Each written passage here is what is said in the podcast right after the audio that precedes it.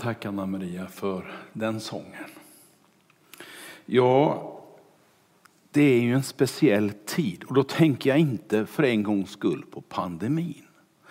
Jag ställer den på paus en liten stund och tänker istället på tiden för Jesu ankomst. Tiden när han skulle födas. Förväntan som faktiskt hade varit i många hundra år innan han föddes. En av dem som eh, det står mest om i evangelierna och Nya Testamentet, som citeras oftast, det är profeten Jesaja. Och i Jesaja så har vi ju faktiskt flera utav Messias förutsägelserna som vi tycker om att läsa också 2000 år efter det verkligen hände. Han levde, alltså Jesaja, i Judarike. Det var den där perioden när det fanns ett Israels rike i norr, runt Genesrets sjö lite grovt sagt. Men också ett judarike som var då lite mer koncentrerat kring Jerusalem. Och Jesaja han var profet i judarike. Jag läste om honom i veckan som gick här att eh, han eh, kanske till och med kunde anses som en slags hovpredikant i Jerusalem. Han hade ganska enkel access till kungen själv och kunde komma och gå och vara en utav de nära till kungen. Han förkunnade och profeterade om Messias och om den kommande exilen. För han såg i sitt inre och upplevde att Gud talade till honom om att det skulle bli en stor förändring även för judarike. Och den stora förändringen kallar vi för den babyloniska fångenskapen, exilen. Och det finns många namn på det här. Och det kunde han uppleva bra länge innan det verkligen skedde. Men han såg längre än så. Han såg också till befrielsen ur exilen. Och han såg en gestalt, om en i lite skuggor ibland. Men ibland så var det också som om han var ett ögonvittne till exempelvis korset i Jesaja 53. Eller eh, där han får visionen om att ett barn ska födas. Vi ska läsa dagens vers ur Jesaja-boken. När det så småningom blir juldagsmorgon så kommer jag läsa också då ur Jesaja-boken men ett annat kapitel. Men idag blir det Jesaja sjunde kapitlet och vers 14. Och där säger profeten så här. Därför ska Herren själv ge er ett tecken. Se, jungfrun ska bli havande och föda en son och hon ska ge honom namnet Immanuel. Amen. Tack Herre att du välsignar ditt eget levande ord. Det som Jesaja fick uttala 700 år före det skedde. Och det jag får läsa 2000 år efter det skedde. Herre, låt ordet få sjunka in i min själ, i våra hjärtan, i oss alla och bära frukt där. Amen. Jag satt hemma och funderade, hur, hur läser man den här texten? Hur förstår man den här texten utan att det blir så mycket upprepningar? För det är ju faktiskt i princip samma berättelse varje advent och jul. Och jag påstår inte att jag har hittat några stora nyheter i texterna. Jag påstår inte att jag har hittat tre punkter som dagens predikan innehåller som är unika. Nej, men låt mig få påminna om kanske något du har hört förut. Och kanske något kan vara någonting som du inte har tänkt på. Det stod i början på den här lilla versen. Därför ska Herren själv ge er ett tecken. Man hade frågat efter tecken. Man hade undrat över hur situationen var. Man hade hört talas om hur det hade gått för Israels rike som hade blivit plundrat och inte längre fanns. Och man var lite orolig för sin egen situation. Man hade hört om oroligheter runt om kring judariket. Och därför ska Herren själv ge er tecken. Och ibland undrar jag, Gud, vad har du för tecken till min generation? Vad har du för tecken till dagens vilsna ungdomar? Ungdomar som känner osäkerhet, som är så stark att han till och med tar sig uttryck i ångest, i eh, osäkerhet och psykiska besvär. På ett sätt och en nivå som ingen annan generation före, tror jag, har upplevt det. Herre, vad är tecknet till vår generation?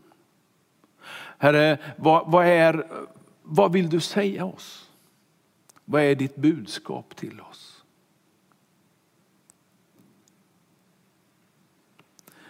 Vi behöver någonting ifrån dig Gud. Vi behöver någonting som ger oss tröst. För det är tider av oro som jag inte upplevt på de 62 år som jag har levt. Och när jag talar med den äldre generationen som nu eh, är riktigt gamla, typ min mor på 92 år, eller min svärmor på 98, så har de inte upplevt det heller krigsåren, ja, då kunde man åtminstone mötas. Då kunde man trösta varandra. Men den oro som vi upplever är istället en uppmuntran till att inte mötas, att inte träffas. Vilket gör situationen än svårare. Herre, vad är ditt tecken till oss i vår tid? För om Gud hade någonting som han ville ge den tiden till Jesajas omgivning och hans vänner och det folket. Då måste jag ju tro att den Gud som jag påstår är evig också har någonting till mig. Någonting till dig. Någonting till oss. Vad skulle det vara? Jag vet du, det är mycket enklare än vad det ser ut. Jag tror att det är samma tecken. Jag tror att det är samma budskap. För egentligen så är vi samma människor. Jo visst, vi har fått mobiltelefoner, vi har fått eh, så mycket utveckling med bilar och båtar och ja, allt som man inte hade på den tiden. Båtar hade man men de drevs på ett helt annat sätt. Herre, vad har du för oss idag? Och jag kan höra hur Gud säger, jag ska ge dig ett tecken. Slå i din bibel och upptäck det jag har gett, säger Gud. Ett tecken, ett litet barn. Ett litet barn som föds av en jungfru och läggs i en krubba. Det är ju så märkligt. Hur är det möjligt att ens tänka tanken att föda en son till en jungfru? Alltså den meningen eh, finns ju egentligen inte. Den är ju omöjlig helt enkelt, bara rakt av. Ja, kanske med dagens teknik att vi börjar att, och luska lite grann kring att det kanske är möjligt. Men för Jesaja så var det ju bara fånigt egentligen. Han visste ju att det gick inte. Så pass kunniga var de på den tiden så de förstod att man kunde inte bli gravid utan att ha sex. Men här påstår han att en jungfru ska bli havande. Och en jungfru det var en ogift kvinna, en kvinna som inte hade, hade haft sex på det sättet. Och därför så blir också barnet väldigt speciellt? Jo, barnet är vilket som helst på ett sätt. Ett litet barn kanske en halv meter, kanske 40 centimeter, någonstans där omkring. Några kilo vägde väl den lilla guldklimpen. Och ändå så fanns det någonting i det här lilla barnet som blev ett tecken som håller fortfarande. Och det är att Maria var en jungfru. Därför att barnet var både människa, både arvsanlag ifrån Maria, men inga arvsanlag från Josef. Utan arvsanlagen kom från Gud själv. Och i Maria, i Jesus Kristus, så blir Gud människa. Den är lika omöjlig den tanken som det där med jungfrun som föder en son. Och ändå sker det. Ändå händer det. En son till en jungfru. Ett barn som förenar Gud och människa igen. Där orättfärdighet och synd har skilt oss åt ifrån Gud sen Bibelns första blad. Man bläddrar fram till första Mosebok, tredje kapitlet och läser hur Gud och människa blir skilda åt. Ja, du får läsa det hemma själv, jag tar inte tid med det nu. Men i Jesus så knyts kontakten igen med det gudomliga och med det mänskliga. I honom så föds liksom tecknet, hoppet, möjligheten till förlåtelse för dig och mig. Och jag är så glad att få nämna det redan idag. Att det tecken som, som Jesaja profeterar om, det var Jesus Kristus. Han är den ende som skulle kunna kliva in som ett, både ett Guds eget offer, där Gud ger av sig själv för att dö på ett kors. Men också där vi blir representerade i Jesus som människor. Genom Maria kanske. För på korset, där ger Gud oss sin förlåtelse. Och han gör det på ett rätt och riktigt sätt. Ett godkänt sätt. Ingen annan människa på denna jord skulle kunna ha gjort det Jesus gjorde. Och Jesus skulle heller inte ha kunnat gjort det om man hade haft en vanlig mänsklig far och mor. Men en jungfru blev havande och miraklet var möjligt. Vilken planering! Vilken utsökt planering av himlen. Tänk att Gud tänkte på 600-700 år före Jesu födelse hur det skulle gå till. Gud planlade, nästan tycker man ibland i detalj, hur det skulle gå till. Han nämnde vilken stad han skulle födas. Han nämnde på vilket sätt det skulle ske. Det finns så många detaljer i mitt gamla testamente, i min bibel, som förutsäger tecknet en jungfru som föder en son. Det tredje som jag funderar på ur texten, det är, det står så här. Och hon, det vill säga jungfrun, ska ge honom namnet Immanuel. Men vänta lite, jag kommer ihåg när jag läste det här när jag var lite yngre. Det här stämmer ju inte. Han heter inte Immanuel, han heter Jesus. Ja, tänk om han hade fel Jesaja. Nej, Immanuel här, det finns en betydelse i Immanuel som Jesaja vill dela med sig till oss. Immanuel betyder Gud med oss. Det var det tecknet som folket väntade på och Jesaja profeterade om. Och det blir Immanuel. Att Gud skulle vara med oss. Vilken möjlighet. Vilket hopp. Att få förkunna det den 20 december 2020. Gud är med dig. Gud finns vid din sida.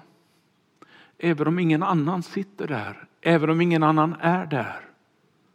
Gud med oss. Ja, det är helt fantastiskt. Det är nästan så man får sån där gunderkänning, du vet när hårstråna reser sig på armarna. Om Gud är med oss, då behöver jag inte oroas allt för mycket. Jag vill inte säga att du ska sluta oroa dig, för det gör vi nog inte. Vi oroas nog lite granna i alla fall. Men det behöver ju inte gå ner i det där bottenlösa djupet som det så lätt kan göra. När man hör om det ständigt på nyheterna. Bara elände, bara svårigheter, bara jobbigt. Och då kan jag få stå idag i talarstolen i Pingstkyrkan i Tibro och säga Gud är med dig. Vi har blivit tvungna att hålla avstånd. Det kommer vi inte ifrån. Det har vi gjort sedan eh, februari, mars i år. Och vi har lärt oss mer och mer vad svårt det är. Och nu så eh, skärper man reglerna och det blir bara knepigare och knepigare. Men Gud tänker sig en närhet i Gud med oss. Även han fick hålla ett avstånd från skapelsens morgon, då den där morgonen när Adam och Eva lämnade Gud. Det gick inte längre att vara tillsammans. Och precis som jag sörjer att jag inte kan krama min mamma på samma sätt som jag brukar göra. Som jag sörjer att inte kunna hälsa på dig när du, eh, jag möter dig på stan. Eller eh, att få se kyrkan fullsatt med folk. På samma sätt som jag lider, och kanske du lider av det också, så led Gud något så otroligt. För skapelsens krona var på avstånd. Men så ger han Jesaja en tanke. Jesaja pratar om ett tecken som betyder Gud med oss igen.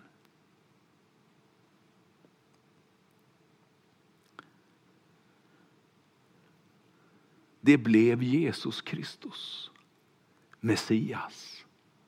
Den Messias som man väntade på århundrade efter århundrade och som eh, tog sig olika uttryck i den judiska religionen. Och som eh, vi upplever, vi har fått uppleva svaret på i just Jesus Kristus.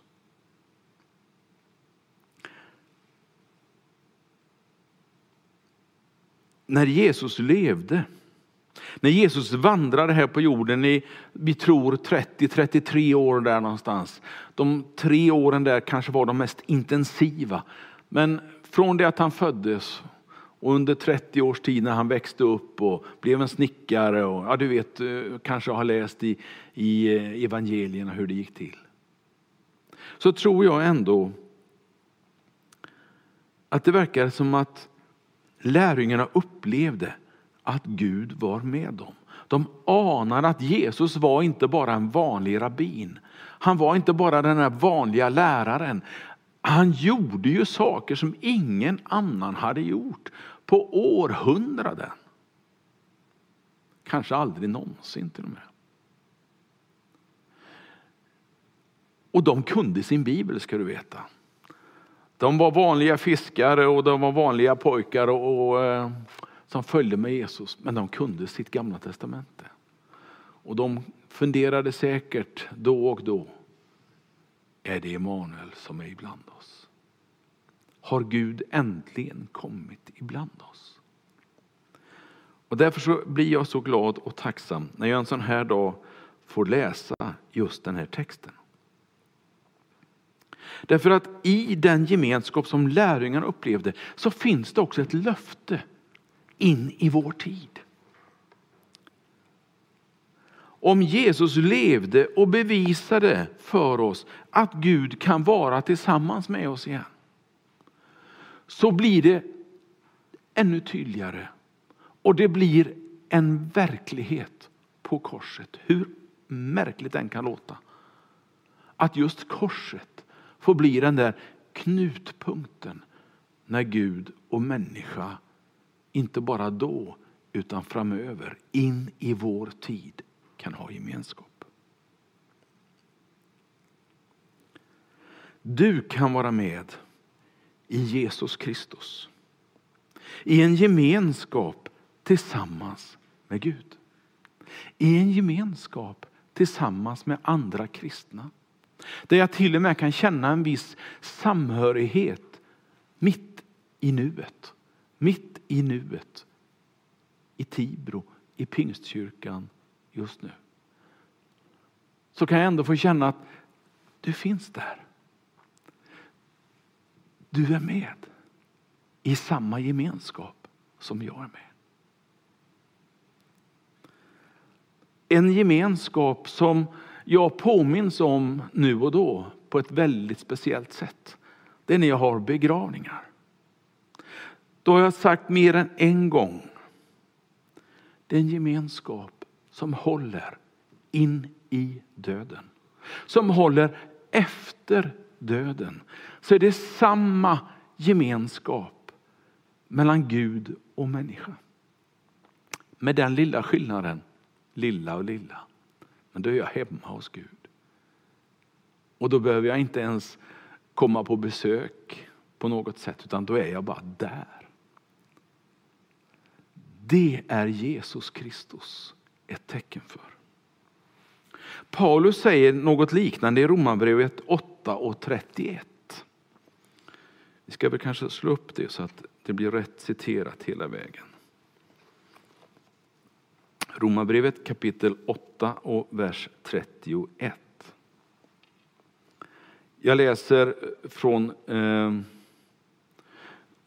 ska vi säga, 8 och 38. Jag vet inte, har jag gett fel eh, till, eh, till eh, tekniken här? Får vi se om hon hinner att fixa det om jag eh, börjar att läsa lite grann. För det är de två verserna 38 och 39. Jag är ledsen över mitt misstag, men så är det ibland. Det står så här. Jag är viss om att varken död eller liv, varken änglar eller förstar, varken något som nu är eller något som kommer, varken makter i höjd eller djup eller något annat skapat ska kunna skilja oss från Guds kärlek i Kristus Jesus, vår Herre. Gud med oss. Så den här söndag morgonen så skulle jag ändå vilja säga det, även om det är med viss hur ska jag säga, med respekt för den känsla som du kan ha. Var inte orolig. Gud är med dig. Känn trygghet och tro på Jesus Kristus. Han bor i dig.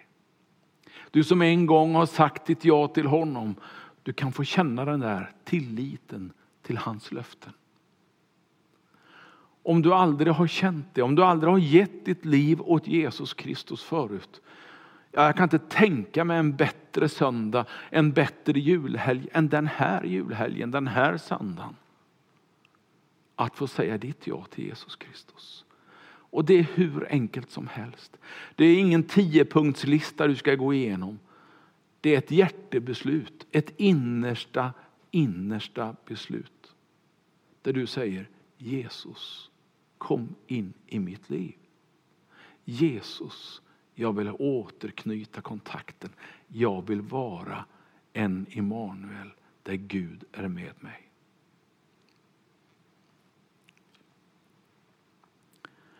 Att ha tillit till honom, det är verkligen att tänka sig att han är med varje dag.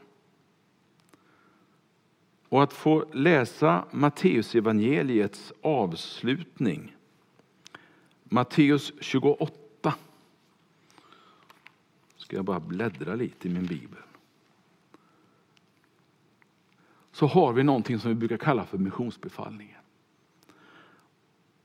Och den avslutas så oerhört vackert. Det står att vi ska lära dem och hålla dem allt som jag har befallt er. Och så kommer min lilla, min lilla rad. Och se, jag är med er alla dagar till tidens slut. Då blir Jesaja 7 och 14, det blir dynamit i det. När han är med mig alla dagar. Oavsett om de är mörka och eländiga eller om det är ljust och solen skiner och värmen är påslagen och badbyxorna ligger alldeles bredvid så jag kan ta dem och hoppa i plurret. Det spelar ingen roll vilket väder det är, vilken pandemi det är, vilken situation jag lever i. Han är med mig alla slags dagar var det någon som sa till mig. Gud välsigna dig att eh, försöka leva i den tron. Att acceptera Gud är med dig idag och hela den här veckan och resten av ditt liv. Om du bara vill det. Amen.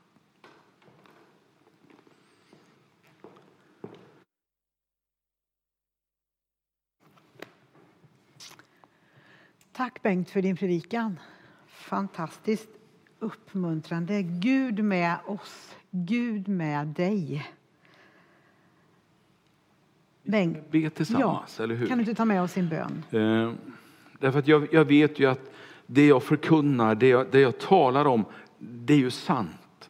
Men jag vet också vad svårt det är att som människa våga sätta sin tillit till det. Och ibland kan det då vara gott att ha någon som ber tillsammans med dig. Och jag skulle gärna vilja vara den som ber tillsammans med dig just nu. För jag vet att det kan vara tufft. Vi möter ju saker som är jättesvåra ibland. Med all respekt för det så ber vi tillsammans. Herre, tack att löftet som Jesaja fick förmedla så många år före Jesu födelse också gäller idag. Tack att du vill vara med oss. Och jag ber Herre, jag ber speciellt för den som sitter där hemma och känner sig osäker, känner sig ensam, känner sig övergiven och lever kanske i en vånda och ångest. Herre, välsigna du. Herre, jag ber för den som sitter hemma med ett leende på läpparna. Jag tackar dig för den som upplever att livet leker och är fantastiskt mitt i den svårighet som vi alla har. Tack Herre att du låter oss få dela med oss av glädje mitt i sorg. Att du låter oss dela med oss av frid mitt i oro. Tack älskade Herre. Att vi får be för varandra. Vi får be med varandra. Och vi får tro att du har makten att hjälpa oss var och en. Amen.